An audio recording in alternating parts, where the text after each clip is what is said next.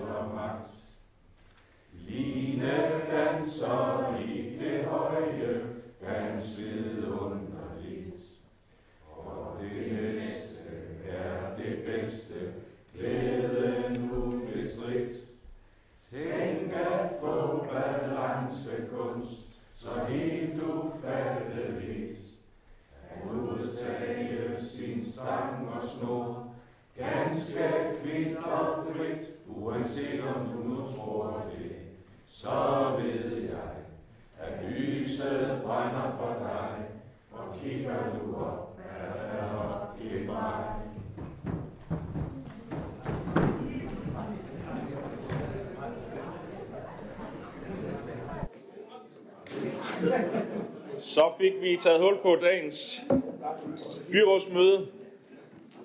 Første sag på dagsordenen er godkendelse af dagsordenen. Jeg skal høre, om der er nogen, der har bemærkninger til den. Det synes ikke at være tilfældet, så har vi hermed godkendt dagens dagsorden. Og det bringer os videre til sag nummer to, som er en sag, hvor Varde Boligadministration søger om øh, en væsentlig forandring, og der er en ændring i forhold til en tidlig afgørelse, og det er derfor, vi har sagen på i dag. Vi godkendte nemlig den 7. februar 2022 en ansøgning fra Varde Boligadministration vedrørende nogle væsentlige forandringer øh, ombygning af fem ungdomsboliger til to familieboliger, hvor der var et lånoptag i afdeling 124 i Øst og Vest. I den oprindelige ansøgning, der var anlægsarbejderne estimeret til 18.424.000 kroner, øh, men efter en licitation har det vist sig, at summen den løb op i 21.424.000 kroner, og garantiprocenten forventes dog fortsat at være 38,91 procent.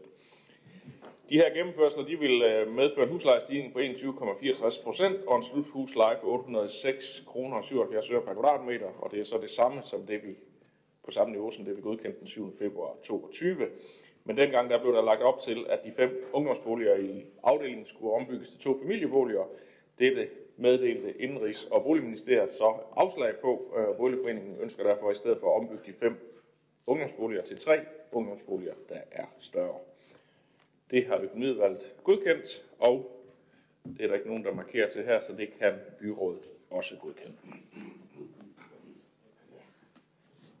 Det bringer os videre til sag nummer 3, som også er en boligforeningssag. Det er så Arbejdernes Boligforening i øh, for afdeling 1 i Østergade, øh, hvor der er en ansøgning om nogle forandringer, øh, hvor der skal udskiftes tag og vinduer, bagdøre osv. Der har vi modtaget en ansøgning den 1. august 2022 øh, vedrørende alle de her forandringer, og gennemførelsen af de her arbejder vil medføre en huslejestigning på 13,57 procent og en sluthusleje på 611 kroner per kvadratmeter. Det har økonomiudvalget også godkendt, og der er der heller ikke nogen, der markerer her, så konstaterer jeg dermed også, at byrådet er enig i det.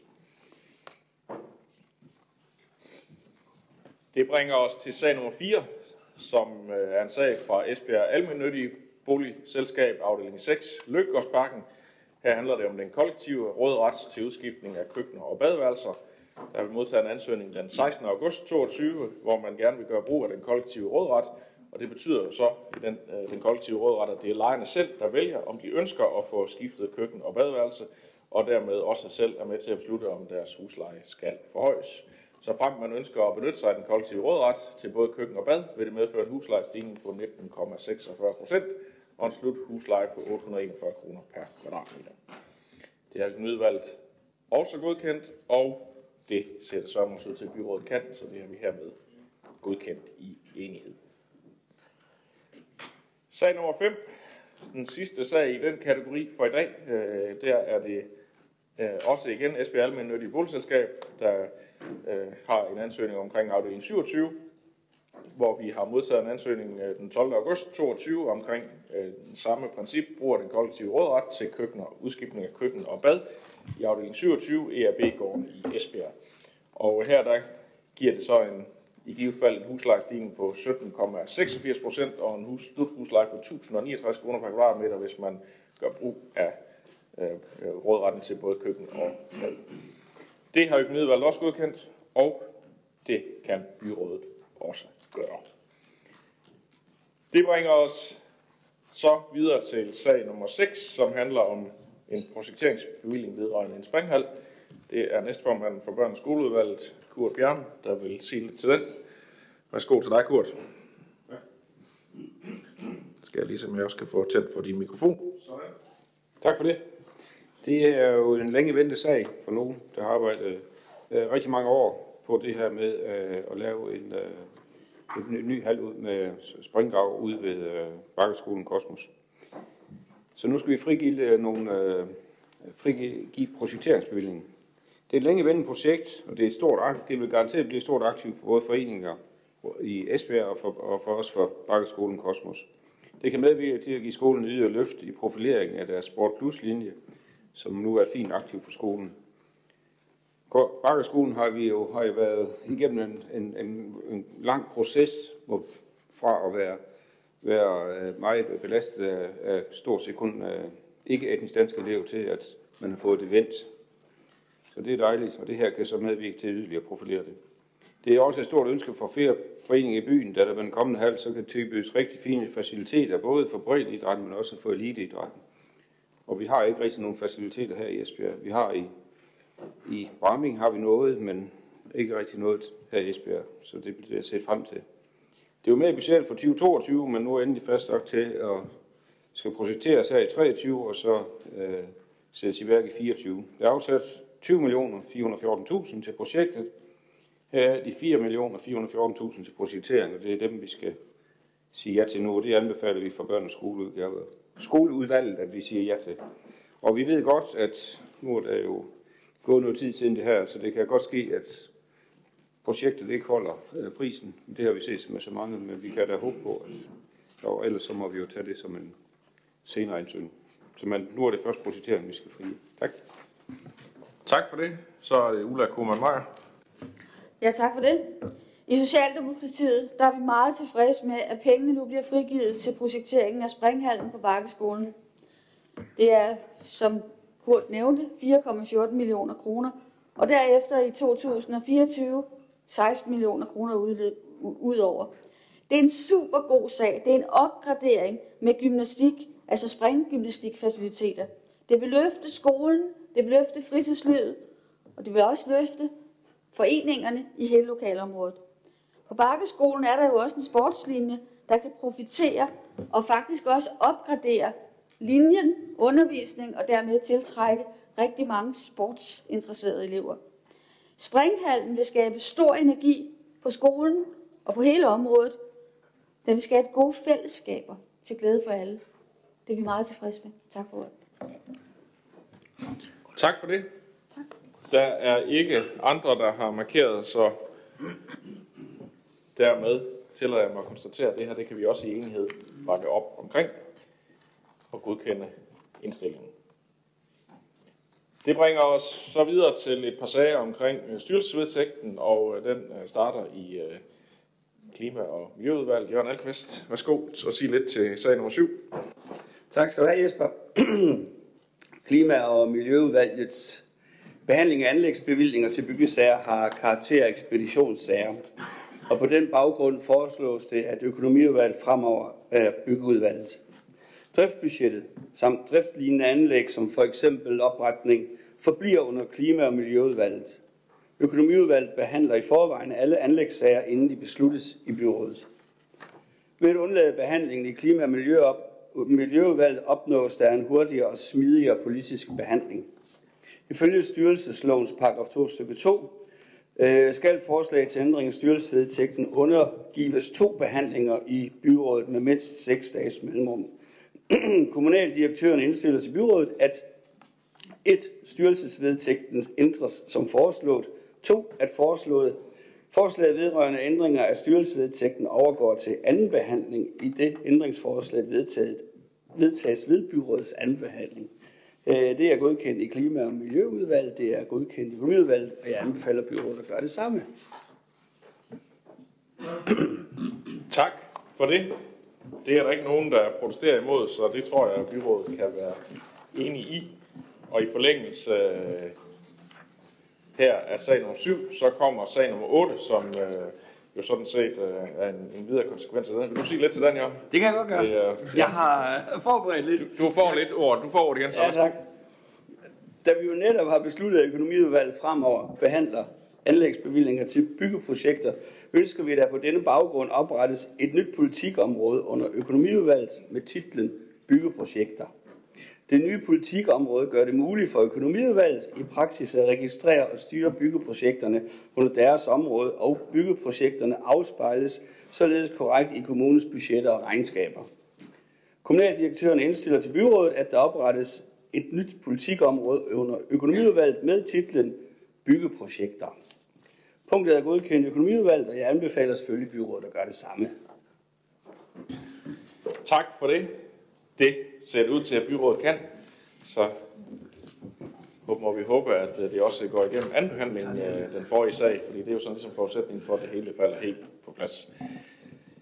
Vi har godkendt sag nummer 8 og går videre til sag nummer 9, som handler om en affaldsplan, også en sag fra Klima- og Miljøudvalget. Jørgen, du Ja, tak. Værsgo. Den nationale plan for forebyggelse og håndtering af affald øh, 2020 til 2032 sætter krav om, at alle kommuner skal indsende en vedtaget kommunal affaldsplan, der lever op til kravene i den nye affaldsbekendtgørelse. Den kommunale affaldsplan lægger fundament for arbejdet inden for affaldsområdet i planperioden. Affaldsplanen er udarbejdet i samarbejde med borgere, borgerrepræsentanter og virksomheder inden for området. Først og fremmest blev der i foråret afholdt en workshop med repræsentanter fra lokalrådet samt virksomheder til at finde frem til de temaer og målsætningsområder, der er i affaldsplanen. Efterfølgende blev der indsamlet feedback og ønsker ved borgersamtaler på tre af kommunens biblioteker. Forvaltningen oplyser, at i høringsperioden har der været to høringssvar. Det ene høringssvar prioriterer vigtigheden af sortering af mad og drikkekartoner også bliver en del af afhentningsordningerne hos etageejendomme. Det fremgår af affaldsplanen, at indsamling af mad og drikkekartoner vil omfatte alle henteordninger, og derfor naturligvis også etageejendomme. Det andet høringssvar var fra Røde Kors, som lægger op til dialog med de velgørende organisationer omkring genstande øh, samt tøj til genbrug. Esbjerg Kommune samarbejder. I Esbjerg Kommune samarbejder vi allerede med de velgørende organisationer om afsætning af tøj og sko, samt i øvrige effekter til direkte genbrug, hvilket vil fortsætte i den kommende planperiode. Klima og Miljø samt Økonomiudvalget har stemt for, og jeg vil igen anbefale byrådet at gøre det samme. Tak for det. Det kan også være, at byrådet kommer til det, men nu har Jørgen Bosen Andersen i hvert fald lige bedt om ordet først. Værsgo. Ja, tak. Jo, men er det som ikke fordi, jeg vil sige så meget epokegørende her, men uh, vi anbefaler i hvert fald også i SF, at, uh, at uh, den her plan den kommer i høring. Det er en omfangsrig plan, det er en vigtig plan, og den kommer godt omkring, øh, og det er et rigtig godt indhold, der er i den også. Øh, det, det, hvis man skulle lige fremhæve et par ting, så cirkulær økonomi øh, med fokus på direkte genbrug, det er i hvert fald noget, som vi øh, lægger meget vægt på i SF øh, at, at man har fokus på de ting, der kan genanvendes også direkte. Og i SF, der ser vi faktisk også gerne et samarbejde med jobcenteret, om bemanding og samarbejde, for eksempel omkring øh, kontanthjælpsmodtagere, der kan få meningsfyldt arbejde på genbrugspladsen i et eventuelt reparationsværksted. Og så har vi jo også anbefalet, at øh, skolerne øh, sætter energi på, kan man sige, og på klima og grønne øh, initiativer, øh, og det kommer på skoleskema eller temadage, og det er også en vigtig ting, så vi kan få vores unge medborgere med på beatet lige fra starten af. Så det var sådan set bare lige det, jeg vil sige her. Så der er mange gode tiltag i planen, og øh, man kan sige, at på det her område, der er vi jo godt med i Esbjerg Kommune. Jeg er i hvert fald også spændt på at se, hvordan øh, hvilke høringssvar, der eventuelt kunne komme tilbage på det her. Tak for det. Så er det Karin Svarts. Ja, tak. Øh, vi har snakket lidt om hos os, at øh, det er super vigtigt, at vi får øh, orienteret vores borgere omkring det her. Det er en meget, meget fin plan, der er.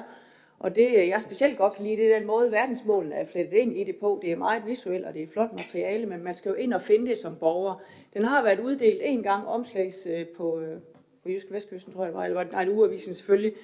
Øhm, og vi skal til, til hver en tid slå et, et slag for, at borgerne ved, hvor de kan gå ind og finde ud af det. Fordi dem der er jeg, der har været inde til Esbjerg-revyen i kan nå det nu jo, de har så et lille affaldsstykke også, hvor besværligt det kan være med at finde ud af, hvad der er skidt i forskellige beholder.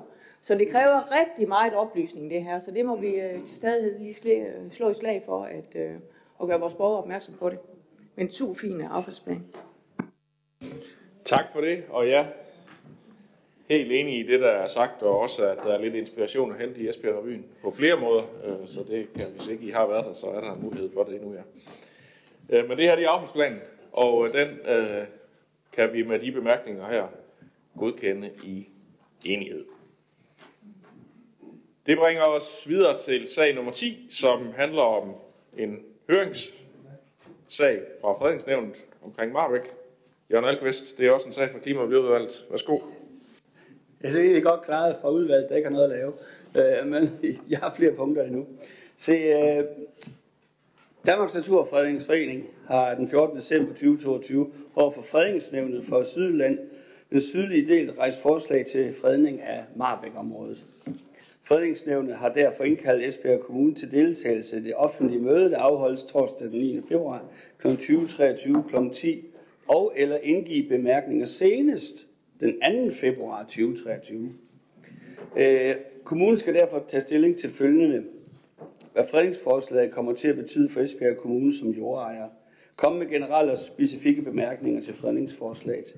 tilkendegive Esbjerg Kommunes holdning til fredningsforslaget. Dog skal det bemærkes, at Esbjerg Kommune har brug for at behandle sagen i byrådet. Derfor kan der ikke afgives et endeligt høringssvar inden den 2. februar og det offentlige møde den 9. februar. Esbjerg Kommune anmoder derfor om at få forlænget høringsfristen med henblik på at få sagen behandlet på et, øh, på et byrådsmøde ultimo marts for stillingtagen til anbefaling af fredningsforslag eller ej. Esbjerg Kommune finder fortsat, at fredningsforslaget ikke tydeliggør alle økonomiske konsekvenser med henvisning til tidligere afgivet høringssvar om fredningsforslagets budget. Vi siger i dag ikke ja eller nej til fredningen i Marbæk. Det vi ønsker er en udsættelse af svarfristen. Øhm, Klima- og Miljøudvalget ønsker derfor byrådets opbakning til et udkastet til høringssvar godkendes herunder ønsket om udsættelse af svartidspunktet. 2. Klima- og Miljøudvalget anbefaler øh, igennem økonomiudvalget, at der afholdes et temamøde i byrådet inden den endelige beslutningstagen i byrådet. Økonomiudvalget og Klima- og Miljøudvalget har sagt ja til de her ting. Det vi beslutter i dag er altså ikke, om vi er medejer høringsindhold. Det er simpelthen et ønske om at få udsat øh, høringsfristen, for vi kan ikke nå det. Tak for det. Så er det Kurt Bjørn. Jamen, du har ikke redegjort ret fint for det, Jørgen. Det her det er sådan set bare et ønske om udsættelse af, af tid til høringssvar. Men, men jeg synes, vi skal da lige gøre opmærksom på, at vi er noget betænkelige ved, ved processen, der har været her. Og jeg synes, jeg går halvanden år tilbage, hvor det hele startede med, at der var indkaldt til møde ude i Marbæk for interesserede, hvor, hvor de fremlagde, at de ønskede en fredning. Øh, og der sagde de faktisk, at Esbjerg Kommune havde gjort et fantastisk godt arbejde i Barbæk i, i den proces, der har været med at gøre det til et naturområde, men de vil gerne være med til at speede processen op. Og der har så været en lang sag omkring, at vi skulle være med eller ej. Nu har man så valgt at rejse den, uden, øh, og inden, uden vi er færdige med at behandle øh, svaret, om vi vil være med i rejsen. Nej. Det synes jeg er en anelse uanstændig. Og så øh, har jeg faktisk også et problem med, at en, en, en, at en forening kan pålægge os øh, udgifter, og vi kan jo ikke engang det samlede beløb endnu. Øh, så det synes jeg, jeg har nogle betænkelige ved. Men, men det er rigtigt, det er kun et udsættelse af høringssvar, men der bliver så øh, nogle møder her, men nu er det fredningsnævnet, der indkalder det, så det er at afgøre, om vi så skal have tid til at, at komme med vores høringssvar. Det håber jeg, at det gør. Så det var lige lidt mere til. Tak. Tak for det. Øh, så med, øh, med de bemærkninger tænker jeg også, at byrådet kan godkende de tekniske ting, der er i høringssvaret, og øh, en anmodning om udsættelse. Så øh, det har vi hermed godkendt. Vi går videre til sag nummer Øh, 11, som handler om øh, et boringsnært beskyttelsesområde. Også en sag fra Klima- og Miljøudvalget. Jørgen, du får ordet igen. Ja, tak. Øh, byrådet anmodes om at træffe beslutning om ekspropriationsvilje for at beskytte grundvandet inden for nærområdet til fire drikkevandsboringer. Boringerne tilhører Egebæk Viding Vandværk som en del af matrikel 231V Vestervisted by Vestervisted. Og din forsyning ved Ribe som en del af matrikel 2C og del af matrikel 8E e, Lustrup Ribe Jord. Vandværkerne har forhandlet med de to lodsejere om aftalens indhold og erstatning herfor. Aftalerne omfatter i alt ca. 7,9 hektar, hvor der ikke længere må bruges sprøjtemiddel. Ved at træffe beslutning om ekspropriationsvilje gives der optimal mulighed for skattefritagelse for erstatning til lodsejerne. Til gengæld bliver lodsejerne bundet af aftalen. Direktøren for Teknik og Miljø indstiller, at det indstilles i byrådet, at det tilkendegives, at hvis der ikke indgås frivillig aftale mellem vandforsyning og lodsejerne, inden den 1. april 2023 agter Esbjerg Kommune at meddele påbud om pesticidfri drift og at ekspropriere de i sagen nævnte områder. Sagen er godkendt i Klima- og Miljøudvalget samt i Økonomiudvalget. Og inden jeg anbefaler byrådet at gøre det samme, så vil jeg lige tilføje, at vi jo i pressen til min egen personlige store overraskelse har kunne se vores øh, siddende regering øh, behandle de her BNOB-områder, altså boringsnære beskyttelsesområder. Det var jo et krav fra daværende statsminister Lars Løkke Rasmussen, at kommunerne indgik frivillige aftaler. Det skulle være, være slut i, øh, med udgangen af 2022. Øh, og, øh, om det er noget, der forlænges eller ej, det kan man ikke rigtig få et svar på. Men i hvert fald det, vi ved lige nu, det er, at øh, man øh, vil evaluere forløbet, og så vil man se, om det her det er noget, der skal fortsætte. I Esbjerg Kommune er vi foran, og der har vi styr på tingene, og vi fortsætter uanfægtet, indtil vi eventuelt skulle få en øh, helt anden besked. Tak for det. Og det sidste øh, kan jeg bare lige supplere med, at øh, de, der har fulgt byrådsmøderne, eller os, der har siddet, har i hvert fald haft en hel del sager i den her kategori. Øh, og det er jo selvfølgelig, fordi vi har taget den her opgave alvorligt og haft dialogen rundt øh, med alle de forskellige øh, steder, hvor der er nogle øh, øh, vandkildefelter, der skal beskyttes. Øh, det har man så desværre ikke gjort på helt samme måde over det ganske land, og derfor er der nogle steder, hvor, hvor man nok synes, det går lidt for langsomt. Men nu må vi se, hvad der kommer ud af det her. Vi kan jo kun Øh, kigge på vores egne opgaver og, og sørge for, at de bliver løst. Vi har godkendt sag nummer 11, og det bringer os dermed videre til sag nummer 12, som handler om en projekteringsbevilling til en cykelsti i Nørrebrogade. En sag fra Plan- og Byudviklingsudvalget. Henning Ravn, så er din tur. Værsgo. Jeg er jo næsten helt bange for, at jeg ikke kunne komme til for alle de sager, KMU de er på i dag. Det her det er jo et øh, spændende projekt, som der har været talt meget om gennem de senere år. Øh, projektet det godkendte vi faktisk i januar 2022 som en del af prioriteringen af de afsatte cykelstimeler. Vi er forhåbentlig øh, stadigvæk enige om, at det er tiltrængt og længe ventet projekt, som skal løse nogle fællesmæssige udfordringer, og navnlig for de cyklende, og især for børn. Desværre blev vi jo ikke tilgodeset med et statsligt tilskud, da vi søgte om det til det her projekt. Så de her 1000 meter cykelsti mellem Strandby Kirkevej og Jernbanegade, der for godt et år siden blev anslået til en pris af lige godt 15 millioner, dem må vi jo så selv punge ud med. Men i dag handler det alene om frigivelse af en projektbevilling på kroner 750.000 fordelt med 400.000 i år og 350.000 i 24. Projektet skal koordineres med regionens planlagte udvidelse af sygehusets parkeringshus. Så må vi jo skubbe lidt på dem. Plan- og byudviklingsudvalget og økonomiudvalget har godkendt frigivelsen af projektbevillingen, og det indstilles til byrådet, at man gør det samme. Ja, tak. Tak for det. Musa Uto. Tak. Jeg er enig med Henning Graven, at det er et spændende projekt. Det er et projekt, der har været længe undervejs, og der, er, har, været, der har været stor fokus, øh, fokus på. Projektet vil jo, altså selve cykelstien, vil jo forbinde den nordøstlige del af byen, af Østerbyen, og Bennegården, samt øh, vil projektet koordineres med regeringshuset øh, for sygehusets som han Grav nævner. Så vi hilser dig velkommen fra den her side af byrådet. Tak for ordet. Tak for det. Så er det Anne-Marie Geis Larsen. Jamen, det er jo lidt i tråd med det, Musa han, øh, er inde på. Jeg havde bare lige øh, et mærke i, at det her med, at man vil koordinere det med, øh, med udvidelsen af, hvad hedder det, sygehusets parkeringshus, og det er jeg jo rigtig glad for at læse, fordi det er jo noget af det, vi har talt rigtig meget om her i byrådet. Og det var, som jeg husker, det også en af grundene til, at vi ikke fra radikale venstre side kunne støtte den udvidelse, fordi vi var meget bekymrede for de bløde trafikanter. Øh, så jeg er glad for, at, øh, at det nu ligger, som det gør, og at man har lyttet også til alle de, øh, man kan sige, borgerne har også gjort, hvad de kunne for at råbe op. Så, så det er dejligt, at vi nåede dertil. Det var egentlig bare det, jeg ville sige. Tak for det. Så er det Jørgen Bosen Andersen. Ja. Jamen, det er lidt det samme, jeg er inde på. Jeg synes, det er godt, at vi er kommet i gang øh, øh, med at projektere cykelstiprojektet på den her brugade. Det har, som Anne-Marie var inde på, vi har jo diskuteret det meget frem og tilbage, og det har været, ja, der har kørt nogle lange processer.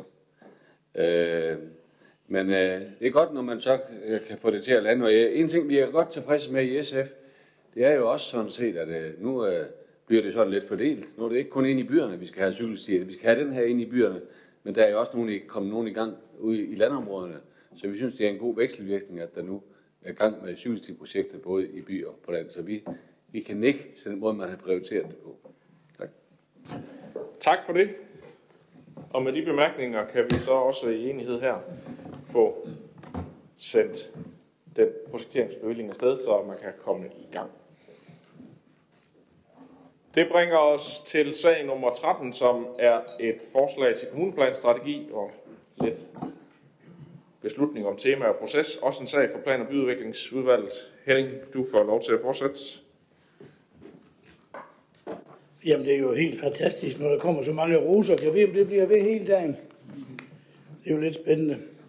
Kommuneplanstrategien er jo et dynamisk styringsredskab, som skal omsætte Vision 2025, kommunens politikker og den hidtidige kommuneplanlægning til strategiske målsætninger for den fysiske udvikling af kommunen i den næste planperiode.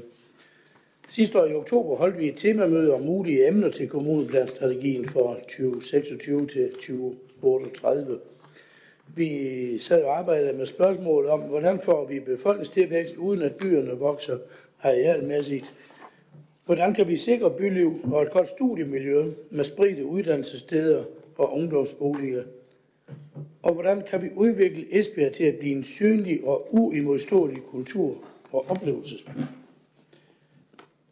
Der var både et stort engagement og stor opbakning omkring de temaer, som det mundede ud i, nemlig klima og bæredygtighed, unge og uddannelse, kultur og oplevelse. Teknik og Miljø har et ønske om at inddrage øvrige forvaltninger og andre relevante eksterne parter med henblik på input til det videre arbejde. Når forslaget til kommuneplanstrategien er godkendt i byrådet, hvilket forventes at ske i april eller maj, skal i en 8 ugers offentlig høring og forventes derefter godkendt i byrådet i løbet af efteråret. Det er i øvrigt sådan, at den her strategi den skal være godkendt inden årets udgang. Plan- og byudviklingsudvalget og økonomiudvalget har godkendt, at der arbejdes videre med de tre nævnte temaer, og at der overholdes et temamøde i byrådet inden den politiske fremlæggelse. Det indstilles således til byrådet at følge den indstilling. Tak. Tak for det. Det ser ikke ud til, at der er andre, der har bemærkninger til. Det kan vi så hermed godkende i enighed. Det bringer os videre til sag nummer 14, som handler om en kommuneplan, ændring og en lokalplan. Også en sag for plan- og byudviklingsudvalget. Henning, du får lov at fortsætte. Værsgo. Og de gode sager, de fortsætter, selvom der ikke er så meget tale lyst til dem her, som det er til cykelstier. Men her skal byrådet tage stilling til et, synes vi i hvert fald, rigtig spændende projekt med et attraktivt boligområde og et centerområde med forskellige bylivsfunktioner på et cirka 5 hektar stort område, om hvorvidt det her skal sendes i 8 ugers offentlig høring. Det drejer sig jo om området i det sydvestlige hjørne af Stormgades Bangsberg Kirkevej, hvor den tidligere Esbjerg Højskole er beliggende. Højskolen er en del af områdets kulturmiljø af en national høj værdi, og derfor søges det i lokalplanen sikkert, at bevaringsværdige bygninger og landskaber bevares, og at det nye byggeri tilpasses det miljø, der er der. Det nye byggeri vil variere i højden fra 2 til 15 etage og med et enkelt markant, nej, højhus vil jeg ikke sige, tårn, på hjørnet ud mod krydset. I planforslaget sikres, at der, at der fortsat bevares og etableres træer og anden grøn beplantning ud på de befærdede veje.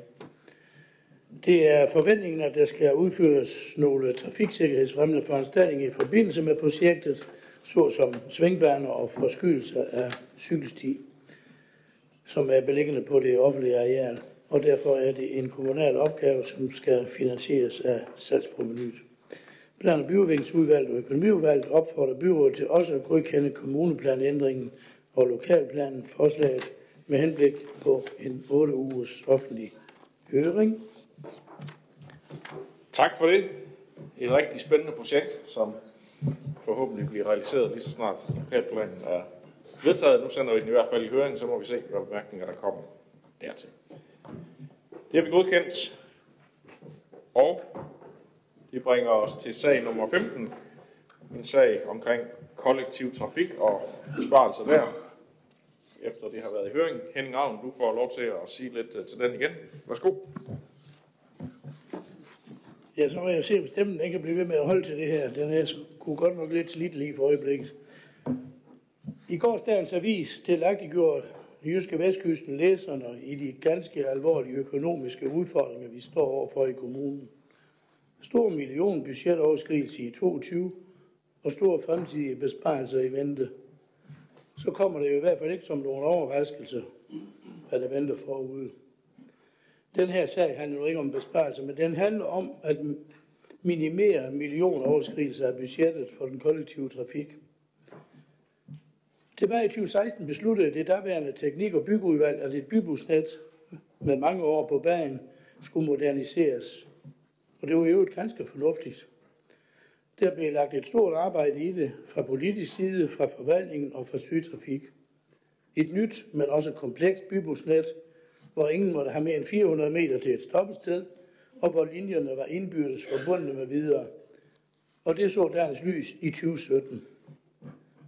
Det var ikke nogen gratis omgang, men det var med en forventning om et stigende passagertal og dermed større billetindtægter. Det lykkedes nu ikke i de to år, før covid-19 indtrådte, og jo selv sagt heller ikke under covid-19. Her, her deltog staten dog med noget øh, hvad hedder det, bidrag til de manglende billetindtægter. Det gjorde de i de to år, men det gør de ikke så meget mere, men stadigvæk får vi lidt. Lidt tal. I 2016, altså før det nye rutenet, var Esbjergs bidrag til sygtrafik 104.500.000. I 2023 budgettet, altså i år, er tallet 116.170.000, hvilket er lige med en stigning på 11.670.000. I 2016 udgjorde billetindtægten 33.800.000. Her seks år senere i 2023 forventes en billetindtægt på 32 millioner 668.000. Altså et fald på 1 million 132.000. Til trods for, at billetterne er steget stort set hver eneste år. Det betyder så alt andet lige, at det må være færre passagerer.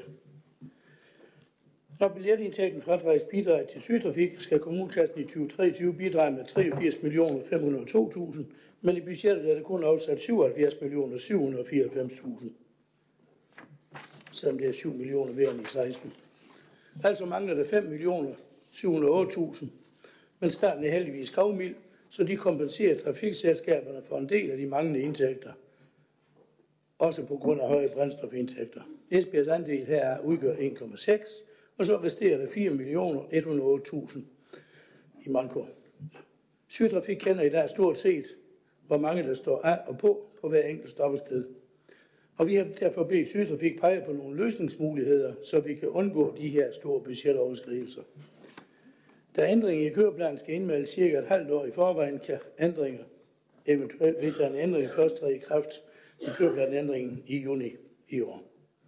I sagen her lægges op til, at bybussen i Ribe nedlægges, og det samme gælder aftenbetjeningen fra kl. 21 alle dage på linje 11, 12 og 13 i Esbjerg. Denne reduktion betyder, at der skal gives en tillægsbevilling alligevel på 2,8 millioner for at dække underskuddet i 2023. Her kunne jeg så måske også lige nævne, at øh, vi har en manko fra 22 på 8 millioner, som vi også skal betale til Sydapik. Når der i sagen peges på at nedlægge de nævnte ruter, er det fordi, der er meget få, og til tider ingen passagerer med dem. Ribe Bybus kører i hverdagen 20 ture. På en enkelt morgentur er der i snit 7,7 passagerer med. Her er fire skolebørn, der med mindre omlægning af en anden rute kan køre med denne. De øvrige 19 ture har i gennemsnit to passagerer. På lørdagen syv ture af gennemsnit på turene mellem 0,1 og 0,3 det må være nogle sjove typer, der kører med den bus. Eller også er der kun nogen med en gang imellem. Og det vil sige, at der er mellem en og to passagerer i alt sådan lørdag. Næsten lige så ser det ud i ferieperioden, hvor der på ingen af de 20 ture er en helt passager med bussen. Det svinger nemlig mellem 0,2 og 0,8 i snit. Linje 11, 12 og 13 i Esbjerg har efter kl. 21 passagertal, der ligner tallene for Ribe Bus. Alt imellem 0,1 og 0 og 2,5 per årgang. I Ribe er der gennem tiden talt meget om, at der mangler en form for offentlig transport til turiststederne, såsom Vadehuscenter, Vikingecenter og Ripley. Vi har bedt Destination Vadehuskysten undersøge, om der er et behov for at iværksætte et forsøg med kollektiv trafik til disse steder. Det kan også komme på tale, når Esbjerg Strand efterhånden bliver udbygget. Samtidig med nærværende forslag er iværksat en analyse af bybusnettet, der forventes at tage resten af året. Er nettet måske for komplekst? Køres der på de rigtige tider? Køres de rigtige ruter? osv. Det ligger også meget på sinde, at der skal være ordentlige forbindelser til uddannelsesinstitutioner og arbejdspladser, og at også vores lokalområder har en tilfredsstillende kollektiv trafik. Men omvendt er det vel ikke rimeligt, at borgerne i Høm, Roas, Pande, Eldrup, Vejb og så videre skal betale for, at det kører tomme busser rundt. Et flertal i plan- og byudviklingsudvalget, stemte Venstre Konservative i alt fem, stemte for indstillingen, mens liste A stemte imod med den i sagen nævnte mindretalsudtalelse. I økonomivalget stemte et flertal på 6 liste V, C og D for indstillingen, mens 3 liste A og F stemte imod, og liste A fik tilføjet den også i sagen nævnte mindretalsudtalelse. Et flertal i PBU og økonomivalget indstillede til byrådet, at der for køreplanskiftet sommer 2023 nedlægges Ribe Bybus samt aftenbetjening fra kl. 21 alle dage på linje 11, 12 og 13 i Esbjerg, der tilføres 2,8 millioner finansieret af likvide aktiver eller midler til at dække de resterende forventede underskud på den kollektive driftsbudget i 2023, og forvaltningen afdækker med destination Vadehavskysten og sygtrafik behov for kollektiv transport i sommerperioden til primært turistdestinationer i området omkring Ribe med henblik på eventuel igangsættelse af et forsøg. Og så bør jeg lige nævne Socialdemokratiets mindretalsudtalelse.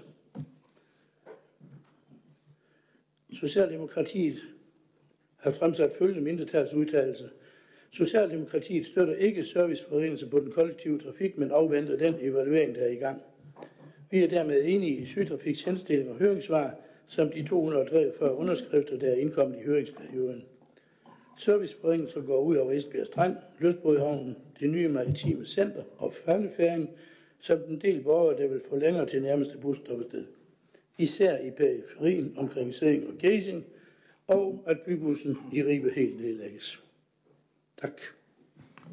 Tak for det. Jeg tror jeg også, du kan hvile stemme lidt hen. Øh, der er også mange andre på listen øh, imens, hvis du skal på banen igen. Den næste øh, er Dino Salimovic. Vi, øh, vi kender vel alle det med, at vi på et tidspunkt har haft et øh, fitnessabonnement, som vi har betalt alt for længe til, uden rigtig at bruge det. Hvor det har været mere tanken end handlingen, der har drevet os, drevet os til at fortsætte betalingen.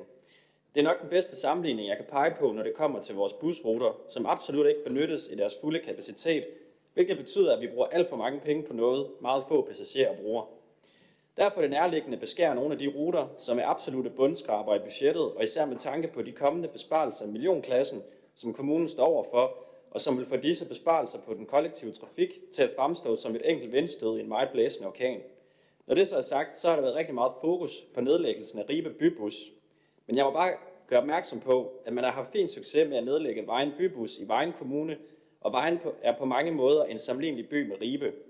Her dog undtaget turismedelen, som vi blandt andet på baggrund af høringsvarene har besluttet at se særskilt på ved at lade Destination Vadehavet og Sydtrafik afsøge muligheden for at lave en sæsonbestemt busrute til fordel for Ribes turistdestinationer i de varmeste måneder øh, på året. Alle andre borgere i Ribe vil stadigvæk have muligheden for at benytte sig af flekstrafik til den almene trafik. Derfor bakker vi det konservative Folkeparti op om indstillingen. Tak for det. Så er det Sabrina Vækgrøn. Ja, i Nye Borgerlige der havde vi jo naturligvis helst set den fulde besparelse på den kollektive trafik, så vi kom ud af det her med et øh, budgetteret underskud. Simpelthen af hensyn til den pressede økonomiske situation, vi står i. Nye Borgerlige foreslog den 19. december, at der skulle findes den fulde besparelse ved at reducere kørsel tidlig morgen og aften efter kl. 18 på rute 11, 12, 13 og 16, hvilket der jo ikke var opbakning til. Jeg mener derfor også, at det er rigtig beklageligt, at det er Rive, der rammes hårdest ved den her beslutning. Og jeg håber på, at vi får hjulpet dem, der må have behovet øh, til at anvende flekstrafik, og hvordan vi, de så finder ud af at anvende de i forvejen kørte ruter rundt omkring i Ribe, eller benytte cyklen. Når det så er sagt, så er det mindst glad for, at vi har kunnet opnå et flertal til noget af besparelsen, og en aftale om, at der skal ses ind i omlægning af busruter. Så det er der, hvor der anvendes busser, der kører busser. Pengene kan jo kun anvendes én gang, og der ønsker jeg bare at prioritere forebyggende indsatser, ret til hjælp til de sårbare, en omsorgsfuld pleje til de ældre, tidsvarende og stabile undervisningsforhold for vores børn og en nærværende voksen i institutionerne. Så for mig er det ikke et økonomisk rådrum til at vedblive med at holde en udgift til kollektiv trafik, som ingen bruger. Tak for Tak for det. Så er det Anders Rohr Jørgensen. Øh, tak. Jeg vil lige starte med at svare Dino på en, spørg- på en spørgsmål. Ja, jeg kender godt til det med at betale til sig et abonnement, og man ikke bruger det. Nu øh, sidder jeg jo ikke i øh, plan- og byudviklingsudvalget, men alligevel så er jeg altså en af dem, der har modtaget en hel del henvendelser i den her sag, og særligt omkring bybussen i Ribe.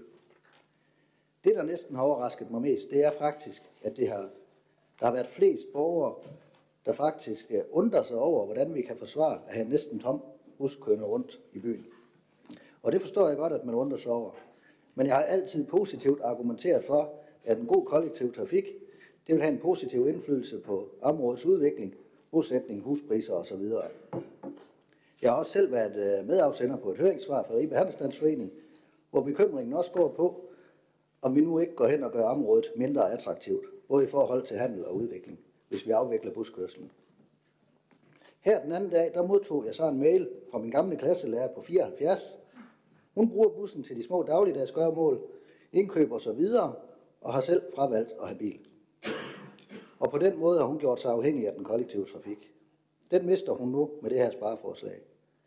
Men hun var faktisk lige præcis den type af brugere, som vi håbede på at få nogle flere af, da vi tilbage i 2017 nytænkede hele bybusnettet.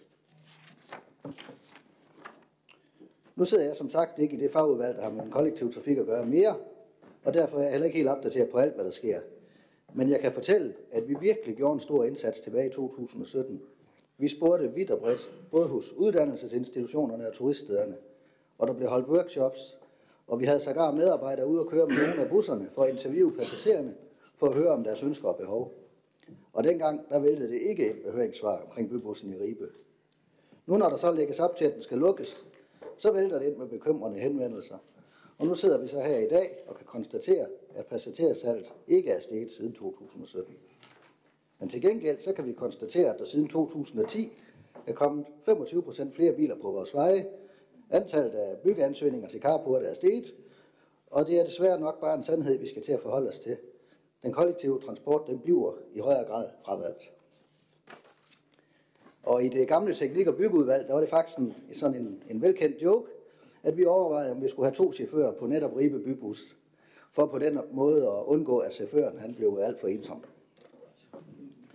Vi er desværre nok, øh, altså vi er desværre nok nødt til at forholde os til, at vi på nogle ruter i bestemte områder bare har de her lave passagertal, og at desværre, så er det jo nok blevet en kendskærning. Tager vi Ribe Bybus, som er det første prioriterede forslag her, der kan man lidt hurtigt øh, hovedregning udregne, altså, at hver tur koster 127 kroner per passager. Det er små lokale ture, der køres, og det vil være langt billigere at køre de samme ture i ganske almindelige taxa til helt normal takst. Og nu har jeg lige selv nævnt ordet taxa, så vil jeg også lige forholde mig til, at vi ofte via gode argumenter og høringssvar hører, at behovet for en taxa uden for de større byer, øh, da den er der, øh, efter vi, hvad hedder det, øh, hvad hedder det, efter taxalovgivningen blev liberaliseret for lidt over fire år siden, der mistede vi som kommune muligheden for at stille krav om lokal betjening fra de lokale taxaer. Og der er altså bare nødt til at sige, at i de fire år, der er ikke kommet flere passagerer i busserne, på grund af, at vi har manglet taxaer. Der er faktisk tidligere vognmænd, der fortæller, at de endda har droppet deres bevillinger, netop fordi efterspørgselen på kørsel også er faldet i deres branche. Så en lille opsang fra mig til alle de gode og velmenende argumenter, der kommer fra både nær og fjern. Der må jeg bare sige, at vi har ikke behov for gode argumenter. Vi har sådan set haft behov for, at I kom ud og steg på bussen. For direkte adspurgt, så svarer stort set alle dem, der på bedste vis argumenterer for behovet for bybusserne, at de aldrig selv bruger dem. Jeg håber så, at når ruterne igen skal evalueres, at vi så vil nytænke og forholde os til, at der er altså nogle steder, hvor der ikke er så mange passagerer, øh, som vi gerne vil have, men at vi stadigvæk husker på, at der altså stadigvæk er nogen, som er afhængige af en eller anden form for stabil transport. Tak for det. Så er det Hans Erik Møller. Ja, tak. Øh, For det første, så øh, vil jeg da gerne øh, rose dig for, Anders, at, øh, at øh, der kom der et ærligt svar fra en venstremand. Jeg har hørt flere venstrefolk sige, at det ikke er tale om spareforslag, men du nævner jo decideret, at det her det er et reelt spareforslag, og at Venstre for øvrigt må bare tage til efterretning, at folk vil hellere køre privatbil, så de vil gerne bare være med til at slippe den kollektive trafik, eller i hvert fald få noget derinde ned. Det er stik imod den grønne omstilling. Vi skal lige gå den anden vej. Det her det er simpelthen en ond spiral. Og når jeg så hører, at det må vi tage til efterretten, der er flere, der vil køre bil, så må vi skære ned på den kollektive trafik, og jage flere over i bilerne. Det er noget af en indrømmelse for Venstre. Det må, det må jeg da sige, den kommer der lidt bag på. Så synes jeg også, at man glemmer lidt historik i den her sag. Altså, nu har det godt, Henning Ravn han brugt rigtig lang tid på at pakke det ind i en helt, helt masse tal. Men historikken er jo, at Venstre ville skære meget mere ned end det forslag, der ligger her og nu. Her vil man med de ruter, der er nævnt, allerede fra kl. 18 indstille trafikken. Og det vil sige sådan, at det er fra kl. 18, så er busserne kørt i garage. Ligesom de er nu kl. 21. Der er de kørt i garage. Det er ikke sidste afgang. Men det var det, Venstre ville. Det stemte konservative Socialdemokratiet imod. Så det var vedtaget. Og hvis der ikke var foretaget noget der, så var de besparelser, som blandt andet gik ud over det, jeg nævnte her med ikke kørsel i weekenden, indstilling efter kl. 18, hvilket også skal ruter øh, ud af mod Skats Andrup, Vejr, Gørding, fra Varde, ned omkring Esbjerg til Ribe. En masse småbyer, der overhovedet ikke vil have nogen betjening. Så det var da godt Socialdemokratiet, de var den i byrådet. For ellers var det jo vedtaget. Og heldigvis, da vi kom til byrådet, så viste det sig jo, at Venstres flertal var ved at smuldre. Og så kommer de med et afværget forslag, som man så var enige om. Man tog faktisk den indstilling, der oprigtigt var fra forvaltningen. Og sagde, at man ville sende til høring. Godt nok en lukket høring. Ikke en offentlig høring. Men hvor man bag nogle bestemte, for eksempel Handelsdagsforening, Handicaprådet, alle mulige andre om at komme med svar, men det var en lukket høring. Samtlige svar, der kom ind, de sagde, nej, I må endelig ikke gøre det nu. Lad os nu vente. Lad os nu bevare den kollektive trafik. Og der er en evaluering i gang, og det er jo den, Socialdemokratiet og SF flere gange har sagt, den skal vi afvente, for den bliver holdt det her år. Der kom også 243 underskrifter ind som protest mod de nedskæringer. Det er den største sodohøring, jeg nogensinde har oplevet. Der var ikke en eneste, der synes det var en god idé. Jeg har heller ikke hørt Venstre eller konservative eller andre kommentere mig på de høringssvar. De var lige ned i skraldespanden alle sammen. Og så vedtog man det, som man så kunne blive enige om, nu da Venstre var øh, stemt fuldstændig ned i det andet. Det synes jeg godt nok er en pseudo-høring. Og hvis det er den måde, vi vil til at høre borgerne på at sende ting i høring fremadrettet, uden egentlig at kommentere den ret meget, så synes jeg, man skal overveje, om vi ikke bare spilder borgernes tid på det. Der blev sagt, at øh, fra Sydtrafik, øh, det var nogle af de forslag, de kom med. Jeg vil bare lige gentage, for det er helt klart sagt, at det er kommunen, der har bedt Sydtrafik om at komme med noget. Hvor Sydtrafik anbefaler, at vi ikke gennemfører det, fordi de også mener, at vi skal afvente den evaluering, der er på vej omkring øh, den kollektive trafik. Jeg har sagt meget, øh, og jeg tror ikke, jeg behøver for gentage hele mit indlæg fra sidste gang. Det er nok nogen, der vil være jeg tror, enormt glade for. Men jeg mener også, at det her handler jo ikke kun om Ribe. Det her det handler om hele den kollektive trafik. Og fakta er, at i forbindelse med, at vi i gang sætter sommerkøreplanen, så reducerer vi kørslen på Fanefærgen, på Esbjerg øh, Brygge, på øh, det nye maritime center og på Løsborg Havn. Og det er ved sommerkøreplanens i krafttræden. Det synes jeg godt nok er fantastisk. så kan jeg heller ikke lade være med at kommentere på, fordi det skal man jo overveje, hvornår man kommer med sådan nogle argumenter. De argumenter, jeg tænker på her, det er, at vi blev forholdt, at, og det var Henning også inde på, at det skulle være inden 31. i 12. hvis overhovedet det skulle laves om til sommerkøreplan. Det var helt klart fra Sydtrafik side. Faktisk var fristen overskreden, så det var bare her og nu. Da Venstre så kommer i miskredit, eller hvad man skal sige, de i hvert fald finder ud af, her i byrådssagen, at de ikke kan gennemføre deres meget markante besparelser, så kan man lige pludselig få udsættelse til efter den 6. februar 2023, og så alligevel træde det i kraft. Så skal man altså ikke bare komme og sige til mig længere, at der er en deadline, som ikke kan overskrides. For det kunne man. Jeg synes så, jeg bag om at se de øh, korrespondencer, der er været, at øh, det går være et eller andet sted i sagen, stod det. Men der står rent faktisk i den korrespondence, hvor man så får lov. Der står rent faktisk, at hvis man gennemfører Venstres forslag, så vil man også blive dømt båd i forhold til kontrakten. Det synes jeg godt nok var noget af en ny øh, øh, øh, oplysning for mig. Den har jeg ikke været opmærksom på. Til sidst vil jeg sige, at nu kommer vi så med et forslag om, at man vil ind og undersøge noget om noget turistkørsel nede i, øh, i, i Ribe øh, i forbindelse øh, med sommer, øh, øh, sommer og turister. Det er da fantastisk. For der, øh, hvad nu hvis den, som I gerne vil lave en undersøgelse af, viser sig, at det vil man faktisk gerne prøve. Hvordan vil I så finansiere det?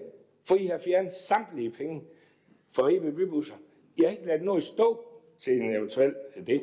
Og når jeg så hører, hvor slem økonomien er, og det ved vi alle sammen godt, så plejer vi her i byrådet rent faktisk at tage meget hensyn til de udgifter, der har været med corona, og de udgifter, der har været med stigende energipriser på grund af krigen i Ukraine. Men det gælder ikke lige nøjagtigt for kollektiv trafik. Der kan man ikke engang vente til evalueringen er færdig. Det synes jeg faktisk er lidt fantastisk, for der er altså også mange andre steder, vi har givet tillægsbevillinger øh, på det her. Så øh, den, den, den, den forstår jeg heller ikke, øh, at, at, at den skulle øh, øh, være så vigtig. Så håber jeg da ikke, at vi ser andre steder. Altså, vi så sidste byrådsmøde, så vi der, gav vi lige en ekstra million til nogen, der i forvejen har fået to millioner på grund af stigende energipris. Og det er godt korrekt. Vi skal tænke os godt og grundigt om, men vi skal også bare acceptere, at der er nogle udefra kommende ting, som jeg så også håber, vi på et tidspunkt øh, får hjælp til. Jeg synes, det er rigtig, rigtig ærgerligt, at vi fraviger os, øh, os tidligere vedtagende politik om, at man kun må have 400 meter i fuglelinje øh, øh, i forhold til de forskellige ruter. Det var også det, Henning var inde på. Det dropper vi så herfra. Sommerkøbeplanens i krafttræen.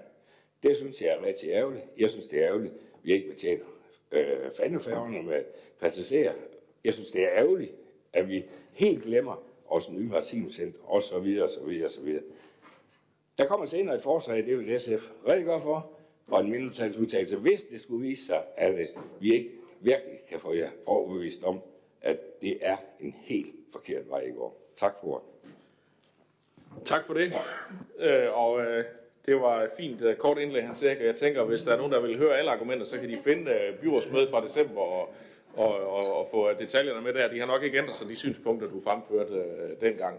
Uh, jeg vil bare lige give en kommentar til, til det omkring, uh, hvorfor er det egentlig, at vi forholder os til den her sag omkring økonomi. Uh, der er der jo ligesom truffet en afgørelse på landsplan om, at der vil regeringen ikke hjælpe øh, i, med alle de ekstra omkostninger, der er. Samlet set havde øh, trafikselskaberne omkostninger for 1,1 milliard mere end, end, øh, end, end det, man havde haft øh, tidligere, hvoraf øh, størstedelen skyldes, øh, hvad hedder det, at øh, der var stigende priser på brændstof, hvor, og en mindre del skyldes så de passagerer, der ikke var kommet tilbage efter corona. Ud af de der øh, 1,1 milliarder, der har, der har staten så givet øh, 265 millioner samlet set, og de sidste knap øh, 800 millioner, jamen det er så derfor, at man rundt omkring i det ganske land står med de udfordringer, der er her. Alle de andre coronarelaterede omkostninger på alle andre områder, dem har kommunerne fået indarbejdet i aftalen med regeringen, sådan at vi er blevet kompenseret for dem, og det er der også en forventning om, at vi bliver i år, når der kommer en aftale. Men her på kollektiv trafik, der har man ligesom trukket en streg. Det primære, det er så, øh, hvad hedder det, stigende brændstofpriser og elpriser osv. Og, og, og derfor øh, sidder vi og mange andre i den situation lige nu, at man skal finde øh, løsninger på at tilpasse serviceniveauet øh, til den økonomi, der er til rådighed. Jeg skal øh, ikke folde det mere ud øh, her. Øh, den næste liste, det er Jørgen Bosen Andersen. Værsgo. Hov, lige et. Hvad siger du? Tak. Jo, ja, men øh, i SF, der er vi ligesom Socialdemokraterne øh, modstandere af de reduktioner, der er lagt op til her på den kollektive trafik i Esbjerg og Ribe. Og nu skal jeg efter dig, Hans Erik, og øh, jeg tror, jeg, nu, du sagde, at du havde holdt en kort tale i aften. Ja, det sagde borgmesteren, du gjorde. Men jeg tror, min bliver lidt kortere. Men øh, du gjorde det rigtig godt, og jeg vil prøve at supplere lidt op sådan og komme med lidt indspark fra den her side. Men vi kan også godt se, som Venstre er inde på, at passagertallet er faldet de senere år. Det skal man jo ikke være blind for at se. Corona er en af årsagerne. Men hæfter os også ved, at øh, Sydtrafik forventer, at passagertallet vil stige igen her i 23. Og det gør og derfor også op, som han siger, var inde på, til en øh, evaluering af, af hele showet.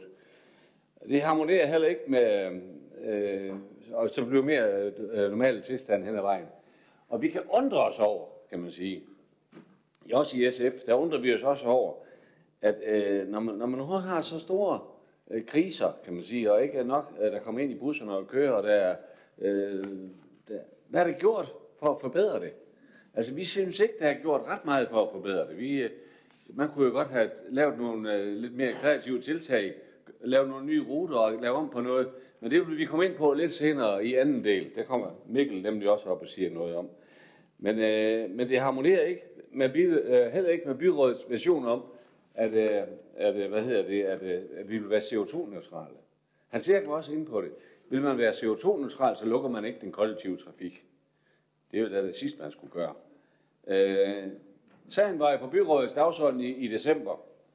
Her var vi stemt for at køre besparelserne igennem. Det var der overhovedet ingen, øh, det blev der ikke lagt skjul på. Men det endte jo så med, at B øh, og C og V i fællesskab valgte at sende øh, sagen øh, i en kort høring her til Lokalrådet, Ældrerådet, Handicaprådet og Ribe Fællesstedsforening hen over julen. Trods den korte frist, der kom der mange konstruktive svar ud af det. Mange, øh, man, man kan jo spørge sig selv, blev der så lyttet til de der mange konstruktive svar, der kom? Øh, hvad, var, hvad var formålet egentlig med at sende det i høring? Det har jeg da også sådan nogle gange gået og tænkt på. Jamen, vi undrer os i hvert fald over det. Var det for at trække pinen ud? Eller var det for at lytte? Og eventuelt bruge nogle af de gode idéer, der kunne komme ind i sådan en høring? Eller var det noget helt andet? Var det en, en eller anden øh, strategisk manøvre, som man lige kunne nå at trække vejret? Lokalrådet i Ribe Midt øh, havde inviteret til et høringsmøde øh, her øh, før jul, og vi deltog med, med to fra SF, og vi mødte nu ikke andre derude. Og vi fornemmede på det møde, at der blev arbejdet øh, meget seriøst med konstruktive forslag, som jo det også fremgik af de, alle de høringssvar, vi har fået ind. Vi kan i hvert fald konstatere, at der nu er et flertal, der går ind for total lukning af bybussen i Ribe, samt øh, de serviceforringelser, der oveni kommer så i øh, Esbjerg også. Det vil jeg ikke lige nævne igen, hvad det er for nogen. Men så øh, vil Mikkel, vores lokale mænd i Ribe, han har et par gode spørgsmål og kommentarer til ligesom at, at, at følge op på i det, Jamen, det jeg lige har sagt her. Jamen, det er jo heldigt nok, at det så er Mikkel, der er den næste på listen, han er i sådan en del af opgaverne imellem hinanden. Så uh, Mikkel, du får ordet her. Okay. Jamen, jeg har jo igen, altså jeg, nu kommer jeg efter Hans Erik og Jørgen, øh, så det bliver nok sådan lidt en, øh, en gentagelse. Men jeg undrer mig over, hvordan man kan tale om grøn omstilling, altså om man kan have mål, øh, klima og bæredygtighed som en af pindene i kommuneplanstrategien, og samtidig så lukke den her øh, bybusrute. Og jeg ved, at vi har en forvaltning, der har en god forståelse af, hvad der vil kunne bidrage positivt til den offentlige trafik, og skulle vi ikke i stedet for samarbejde med busselskabet, og så lave de her forbedringer? Fordi det vil på alle måder harmonere bedre med kommunens 2030-mål, og det vil da sætte en tyk streg under, at vi ønsker grøn omstilling, og at vi ønsker udvikling frem for afvikling, og at Esbjerg Kommune vil de ældste, yngste og svageste borgere, også i kommunens yderkant. Og så vil jeg lige gøre opmærksom på, at jeg har et, øh, eller vi har øh, et øh, ændringsforslag, som lyder som følge. Esbjerg Kommune undlader at gennemføre de besparelser og serviceforringelser, på den kollektive trafik i sommerkøreplanen 2023. Esbjerg Kommune følger øh, hermed anbefalingen fra Sydtrafik, som 7 ud af de 11 kommuner Sydtrafik dækker. Esbjerg Kommune fastholder derved serviceniveauet i, øh, ja, i 2023 og giver rum til en grundig evaluering af bybusnettet. Evalueringen fremrykkes og gennemføres med høring ved alle relevante partnere, og det i gang sættes hurtigst muligt. Det er sammen med Socialdemokraterne. Og det er sammen med Socialdemokraterne. Tak for det. Det var et ændringsforslag, så vi fortsætter drøftelsen indtil vi når til øh, en øh, afstemning på et tidspunkt. Den næste er Karen Sandrini. Tak for det. Jeg har bare lige et par kommentarer. Øhm, Anders, det er meget muligt, at mange af os, der er fortaler for den kollektive trafik, i dette tilfælde busserne, ikke selv bruger den. Men nu er vi politikere talerør for andre end os selv. Vi er talebør, vi er talerør for borgerne i Esbjerg Kommune. Og at en busplan bliver sammenlignet med et fitnesskort, det synes jeg er under lavmål. Og jeg synes, det er en trist sammenligning. Og så vil jeg påpege, at det ultimative for en borger, et menneske, ung som gammel, er frihed. Også frihed til at komme rundt, at besøge venner og familie, at kunne blive forbundet med en anden type kollektiv trafik, der gør det muligt at komme videre rundt i Danmark, eller blot kunne transporteres rundt til at kunne lave sin, sin, øhm, sin indkøb, for eksempel. Når man, når man fratager borgerne en rettighed og en mulighed, uden at sikre en ny plan for borgerne, så synes jeg, det bliver rigtig, rigtig trist. Og det er fint, at vi kigger på kørsel ud til vores seværdigheder. Det har vi selv været fortaler for. Men at ændre på, men det ændrer ikke på, at vi frarøver, vi fra, eller frarøver borgerne en, en mulighed, en rigtig, rigtig, en rigtig, rigtig vigtig mulighed. Tak for ordet. Tak for det. Så er det Henning Ravn. Ja, nu skal jeg sige, om jeg kan huske alle de her ting, der er blevet nævnt. Han siger, at du sagde et par gange, at du forstår ikke. Det, det vil jeg ikke kommentere på, fordi det ved jeg jo ikke, hvad du mener med. Jeg synes ellers, du er god til at forstå, når man siger noget til dig. Du er en ros. Du snakker om rigtig mange ting, men du snakker ikke om økonomi. Du snakker ikke om, at vi mangler 5,8 millioner. Det går du let henover. Du snakker om alle de der mennesker, der ikke kan komme ned til færdigferien. Faktum er, at de busruter, vi snakker om her, der er en eller to med. Hvor er alle de mennesker hen, du snakker om, der ikke kan komme ned til færdigferien? De er der jo ikke. Så snakker du også om noget med, at sygtrafik anbefaler. Jamen, jeg er helt sikker på, at sygtrafik har de bedste intentioner. Jeg kender godt sygtrafik. Jeg har set som formand for bestyrelsen i fire år. Jeg ved udmærket godt, jeg kender godt de mennesker. Og de kan sådan set godt anbefale en hel masse. Men det er jo Esbjerg Kommunes økonomi, vi snakker om her. Og derfor er det også fuldstændig ligegyldigt, hvad andre kommuner de gør, for jeg kender ikke deres økonomi, og hvorfor de ikke gør hvad. Vi forholder os til det, der foregår her i Esbjerg. Ja, du snakker om, at øh, du synes ikke, der bliver gjort ret meget. Sygtrafik, de gør utrolig meget. De har folk ansat til ikke at lave andet, som tager ud og reklamerer for kollektiv trafik. De kommer på uddannelsesinstitutioner, de kommer på arbejdspladser, de kører rundt med busserne. De gør rigtig, rigtig meget. Jeg har igennem de fire år, hvor jeg sad i Danske Trafikselskabers bestyrelse, haft møder med transportministeren, og vi har talt om alverdens ting om, hvad man kunne gøre, hvordan staten kan understøtte det her. Men hvis du har en bedre idé, så kom ind i midten der. Du talte heller ikke en, hen sagt en skid. Du talte overhovedet ikke, du nævnte overhovedet ikke økonomi. Slet ikke. Er det totalt ligegyldigt? Vi kan jo bare tage penge op af kassen, eller hvad? Så snakker du om alle de der høringssvar, og alle de der mennesker, der ikke kan komme med bussen. Men hvor er de hen? De er der jo ikke. De kører jo ikke med bussen. Det viser alle tal. Det kører en eller to med, tom, med de der busser. Så der er der ikke en hel masse mennesker, der går ud over.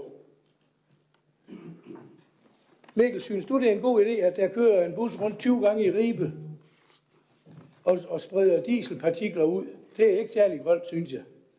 Så, så lige det der med at, at grønne omstilling med en tom bus, det, det giver jeg ikke ret meget for. Jeg tror ikke, jeg vil sige mere til det lige nu, fordi så, ja. Tak for det. Så er det Jakob Lose. Jamen tak for det. Jeg havde nu egentlig ikke øh, tænkt mig at sige ret meget til den her sag her, men jeg har det nok lidt ligesom øh, Henning Ravn, som der jo også øh, pointerer, at man fra, fra Rød Blok side er rigtig god til at tale om fortræffelighederne ved det her, men skøjter meget, meget let hen over, at vi har en stor, stor økonomisk udfordring. Og så pakker man ind i teknik i forhold til, om øh, høringsfristen var for lang eller for kort, og, øh, og så forholder man sig ikke rigtigt til, at vi har øh, store økonomiske problemer. Jeg mangler nok også at få forklaret, hvordan det er, at man kan snakke grøn omstilling og CO2-neutralitet, når det er, altså i hvert fald, som, som jeg tænker, så må det være noget med, at hvis der sidder en passager i en meget, meget stor gul bil, så må det alt andet lige forurene mere, end hvis man kører rundt som passager i en personbil i hvert fald. Så øh, det der med øh, den grønne omstilling og CO2-neutralitet, mig bekendt, så kører bybusserne i Ribe i hvert fald på, på diesel. Dem har vi ikke fået lagt om til, til el. Og elen skal jo ligesom også produceres på, på en eller anden måde. Flere øh, sagde indledningsvis også, at det her det er jo et meget, meget lille forvarsel til de udfordringer, som vi kommer til at stå i til efteråret, hvor vi jo kommer til at skal lægge nogle rigtig, rigtig svære budgetter. Og der kan jeg da godt tænke mig at spørge om, hvor Rød Bloks økonomiske ansvarlighed, den er henne. Er det et forvarsel til, hvordan det er, at vi skal lægge budget til efteråret? Hvis vi ikke kan det her, så bliver det meget, meget, meget svært til efterår. Det er der nok ikke nogen tvivl om. Den her snak her, det er nok lidt ligesom den øh, baserende snak, som vi ser med Irma lige i øjeblikket. Når det er, at øh, tingene de skal nedlægges, så går folk på barrikaderne. Roer, han var også lidt inde på det, altså øh, vi har ikke brug for de gode argumenter for, hvorfor man ikke skal nedlægge busruterne. Vi har brug for, at folk de køber nogle billetter. Og det må vi bare sige, at det er desværre ikke det, som, som der er sket her. Tak for det. Så er det Hans Erik Møller. Ja, tak. Øh, ja, det var der mange ting, der lige kom frem her. Henning Ravn, han synes øh, overhovedet ikke, at vi er økonomisk ansvarlige. Det vil jeg da gerne sætte en tyk, rød, fed streg under. Det er vi absolut. Det er vi absolut. Og vi ved godt, hvilken, for, hvilken øh, ting, der kommer. Vi ved godt, vi er økonomisk presset. Det vi snakker om, det er den evaluering, der er i gang. Lad os nu gøre den færdig. Og lad os, ligesom vi på mange andre områder, hvor økonomien, den virkelig er truet på grund af større energipriser, på grund af det gamle corona, så får vi skudt i skoene, at, at her vil I så det her. Jakob Lose siger det, så er vi ikke økonomisk ansvarlige. Sidste gang stod vi her i byrådssalen og gav Sebe 1 million ekstra på grund af stigende energipriser. De har fået to i forvejen. Var det økonomisk ansvarligt? Det synes jeg, det var. For de stigende energipriser, det skyldes altså Ukraine-krisen.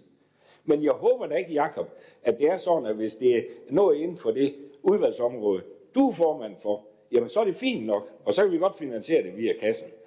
Vi har også før set 10 millioner, der lige pludselig vil give som tillægsbevilling. Jeg skal være med at, at gentage det helt vildt. Og så er jeg da lidt forbavset over, at Henrik Ravn siger, at han er fuldstændig ligegyldig, hvad, hvad alle andre kommuner gør.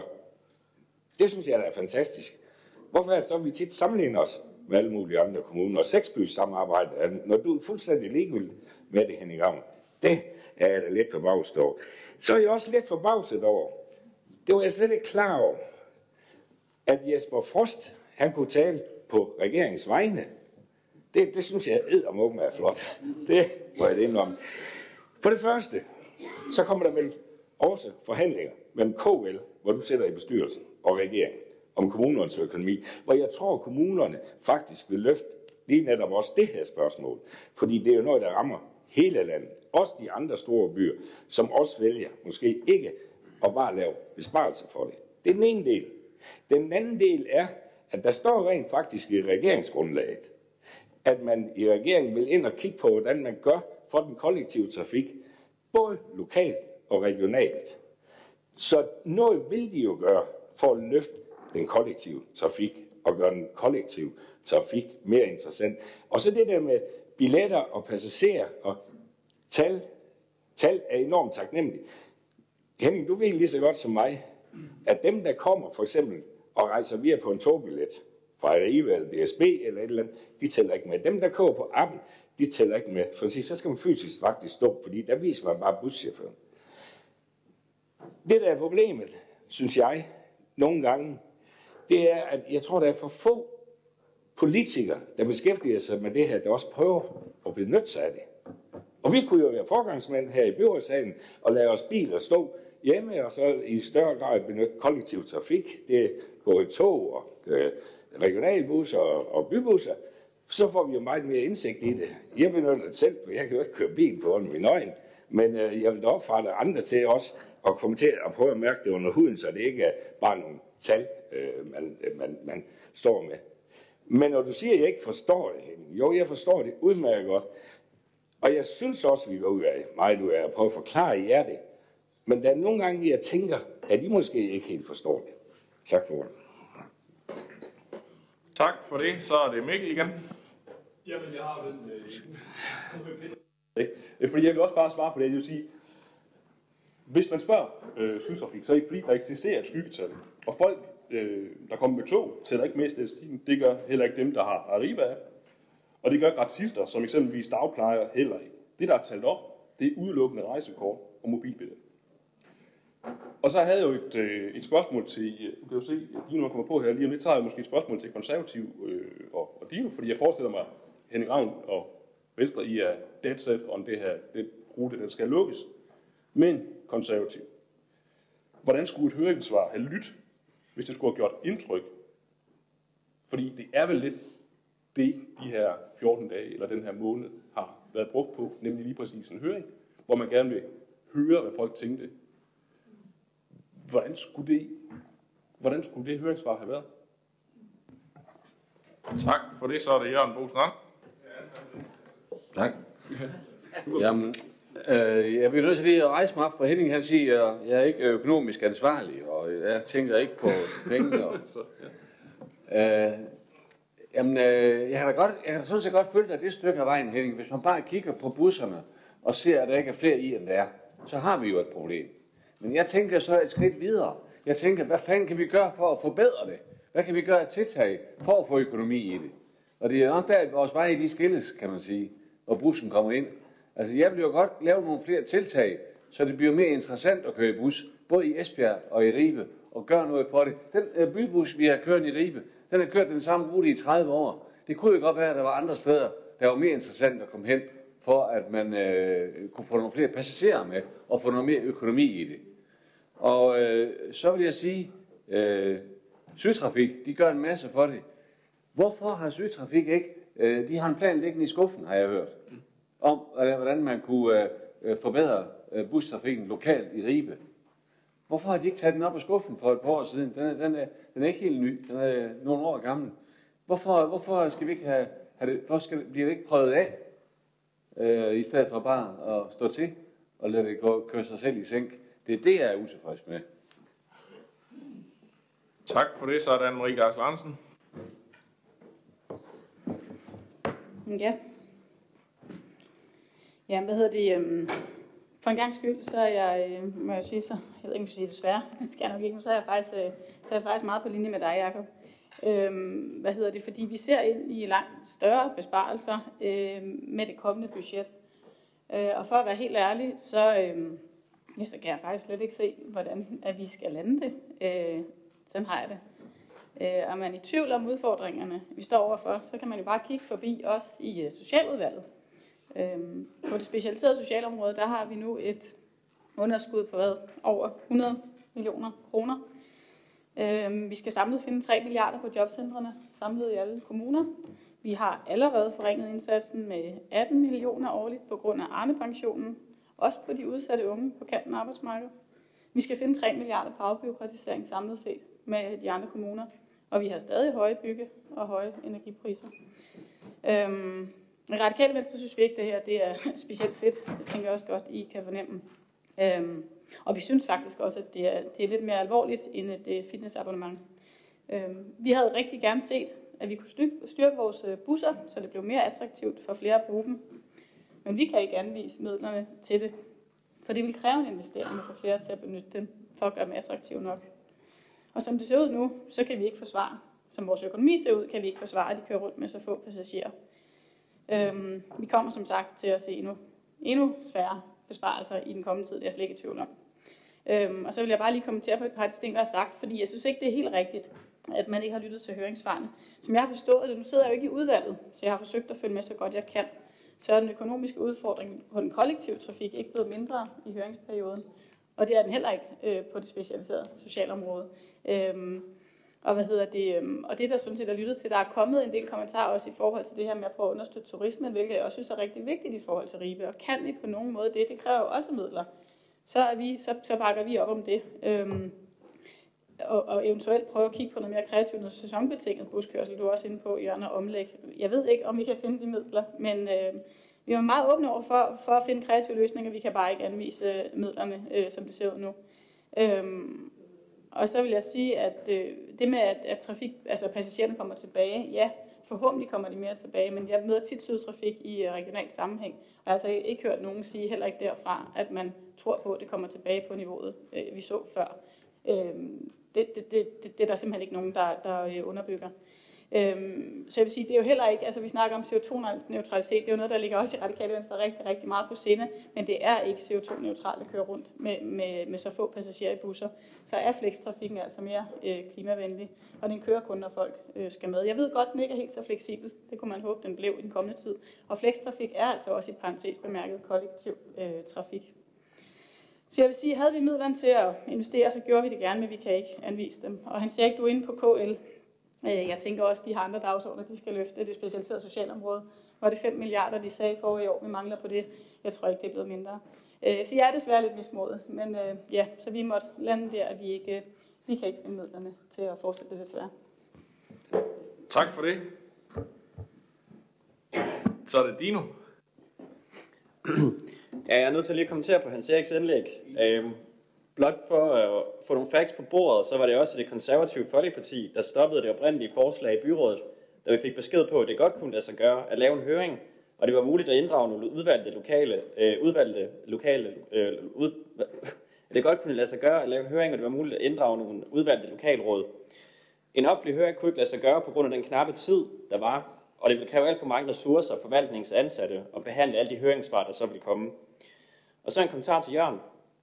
Øh, vores argument for at sende øh, dagens indstilling i høring var netop for at høre, om der eventuelt ville komme nye inputs, og samtidig at de berørte lokalråd komme til ord. Jeg synes ikke, der kom mange nye forslag, som ikke allerede var kendte. Blandt andet et forslag om at ændre busruten i Ribe, som ville give en besparelse på omkring 150.000. Og når vi sidenhen fik kendskab til de mange mulige besparelser, der skal foretages i kommunen fremadrettet, så synes jeg, at vi fandt en meget god løsning, hvor vi netop på baggrund af høringssvarene fik landet en god løsning, hvor vi til gode ser turismen og beder alle andre i øh, Ribe om at benytte øh, flekstrafik. Og så et svar til Mikkel. Jeg synes, det er vigtigt, at vi hører og inddrager borgerne så meget, som det er muligt. Høringssvarene har gjort stort indtryk på mig og os. Og jeg har fået et par beskeder omkring det her emne, som, som ikke alle lige var sjove.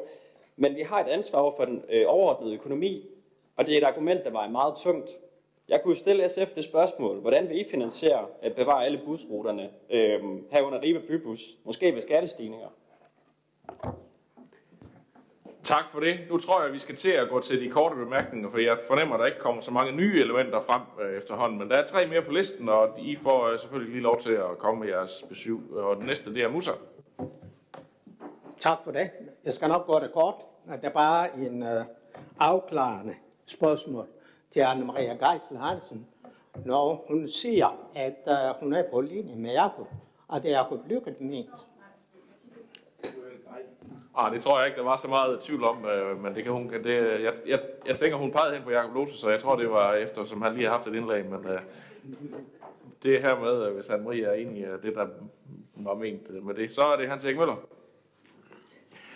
Ja, tak. Øh, lige øh, til dig, Dino, øh, der vil jeg sige, øh, at øh, det er da dejligt, at det var jer, der i forhold til, da det kom i byrådet, fik øh, lavet den aftale, at man vil sende det ud i en høring.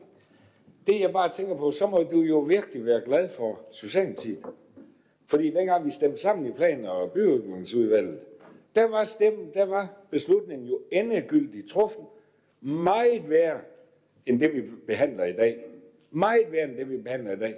Men der vil konservative der ikke være med til at begære den i byrådet i henhold til styrelsesvedtægterne. Så var sagen fuldstændig slut, slut i planen og bygningsudvalget, og så var de store besparelser rent faktisk gennemført. Så øh, jeg går da ud fra, at det så er en ros til mig, at jeg fik den begært i byrådssalen. Det håber jeg da. Tak for. Så er det Mikkel. Det må være rosin i pølseenden jo. Jamen, jeg synes et eller andet sted ikke, at... Øh, altså, man kan sige, jeg vidste jo godt, det ville komme, Dino. Øh, det der mantra, sådan, hvor skal pengene komme fra? Men det er jo sådan set ikke det, vi debatterer i dag. Det er jo som sådan et eller andet sted uinteressant. Det er jo et spørgsmål om... Jamen, så kan man sidde og grine lidt af det, men, så, men, men det, det skal vi jo, som han ikke før har sagt, pengene kan jo findes. Der kan jo godt findes en million, eller to, eller ti, hvis det er noget, man vil. Spørgsmålet i det, eller vi må stille os selv i, i dag, det er jo i højere grad, hvorfor det er de brugere, der er af bybussen, der skal holde for. Og der må jeg bare sige, det synes jeg ikke, øh, at det er, fordi vi ved, at dem, der bruger bybussen, det er kommunens, byens svageste. Det er de mindste. Og det er dem, som ikke af den ene eller den anden grund har egen bil og kan transportere sig selv. Og det er dem, vi sparer på nu. Tak for det. Selv tak. Jeg tror ikke, der kommer så meget øh, mere nyt. Øh, der er forskellige øh, vinkler og synspunkter på det. Jeg er dog nødt til lige at pointere, at det handler i høj grad om økonomi, det her. Fordi det er sådan set grunden til, at vi har sagen på. Det er jo, at, at der var økonomiske udfordringer på området, og man dermed forsøger at finde løsning, så man kan få økonomien til at hænge sammen med, med det serviceniveau, der er. Øh, og ja, jeg sidder også i KL's bestyrelse, og jeg ved også, hvad det er for nogle prioriteter, og hvad det er for nogle udfordringer, man slås med der.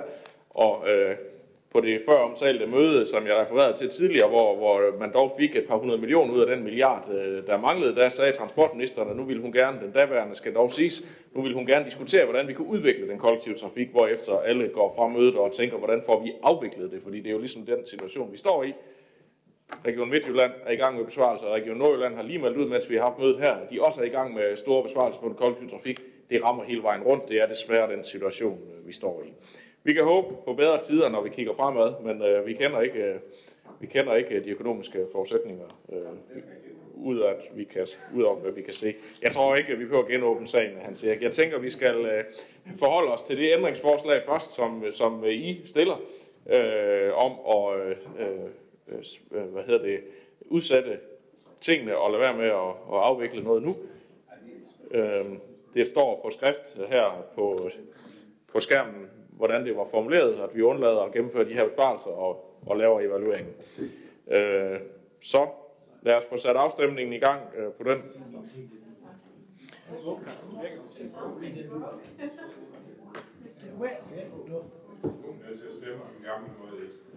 Er der, synes, er det Susanne? Se, nu kører det. Det var bare gået i stå, fordi debatten om sagen har været så lang. Så.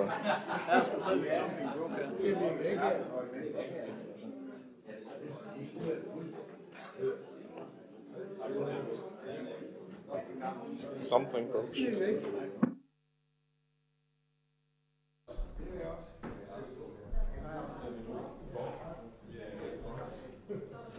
Something's rotten in the state of Denmark. It's not it.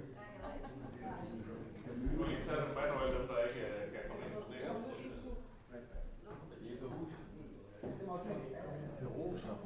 Ja, det er godt, så lå Ja, ja.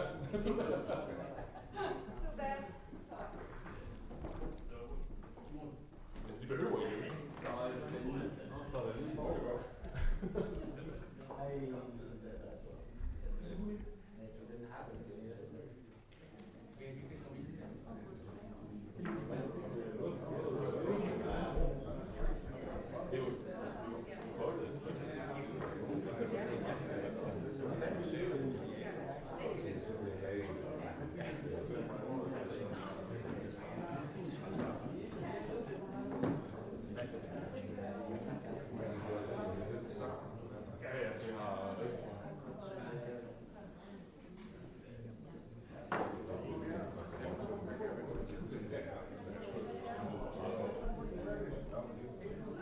Så lykkedes det med lidt øh, fynd og klem at få øh, gennemført afstemningen. Der var 12, der stemte for, og 19 imod, og dermed falder øh, ændringsforslaget, og øh, vi skal så lige forholde os til selve øh, det plan- og byudviklings, et flertal i plan- og byudviklingsudvalget har øh, godkendt, øh, og skal vi jo så prøve det en gang til. Øh, og øh, vi er nødt til at have det ind i systemet, og derfor er vi nødt til at gøre det på den her måde, fordi at øh, I må række en, øh, I må, vi må række dem, der ikke øh, kan, kan gøre det automatisk, de må lige række en arm op og stemme øh, for øh, nu her først.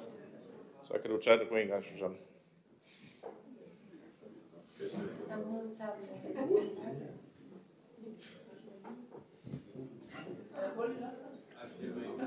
Something broke.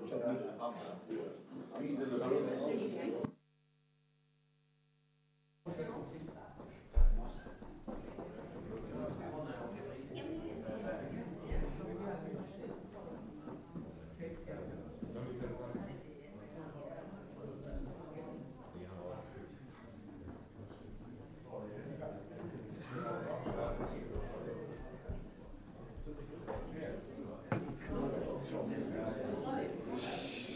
nærmer vi os en afgørelse.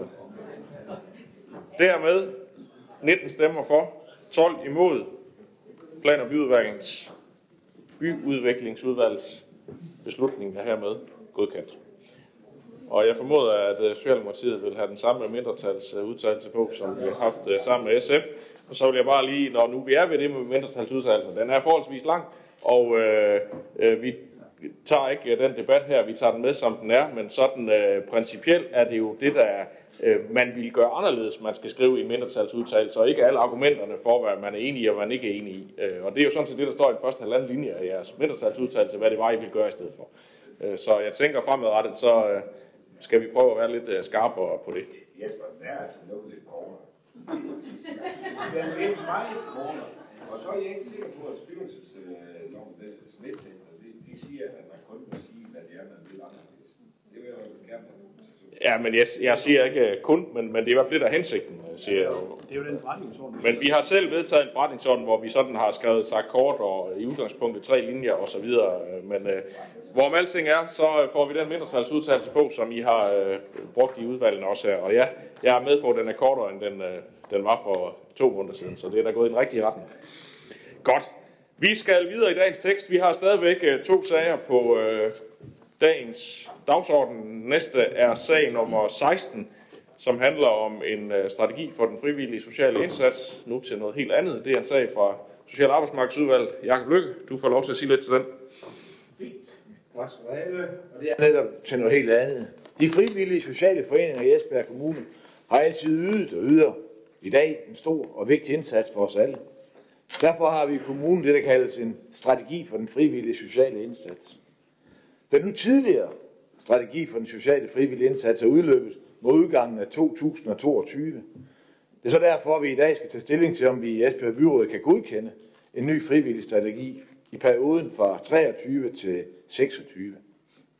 Strategien handler om, hvordan vi som kommune kan udvikle og styrke samarbejdet mellem kommuner og de frivillige, og hvordan vi kan understøtte de frivillige sociale indsats.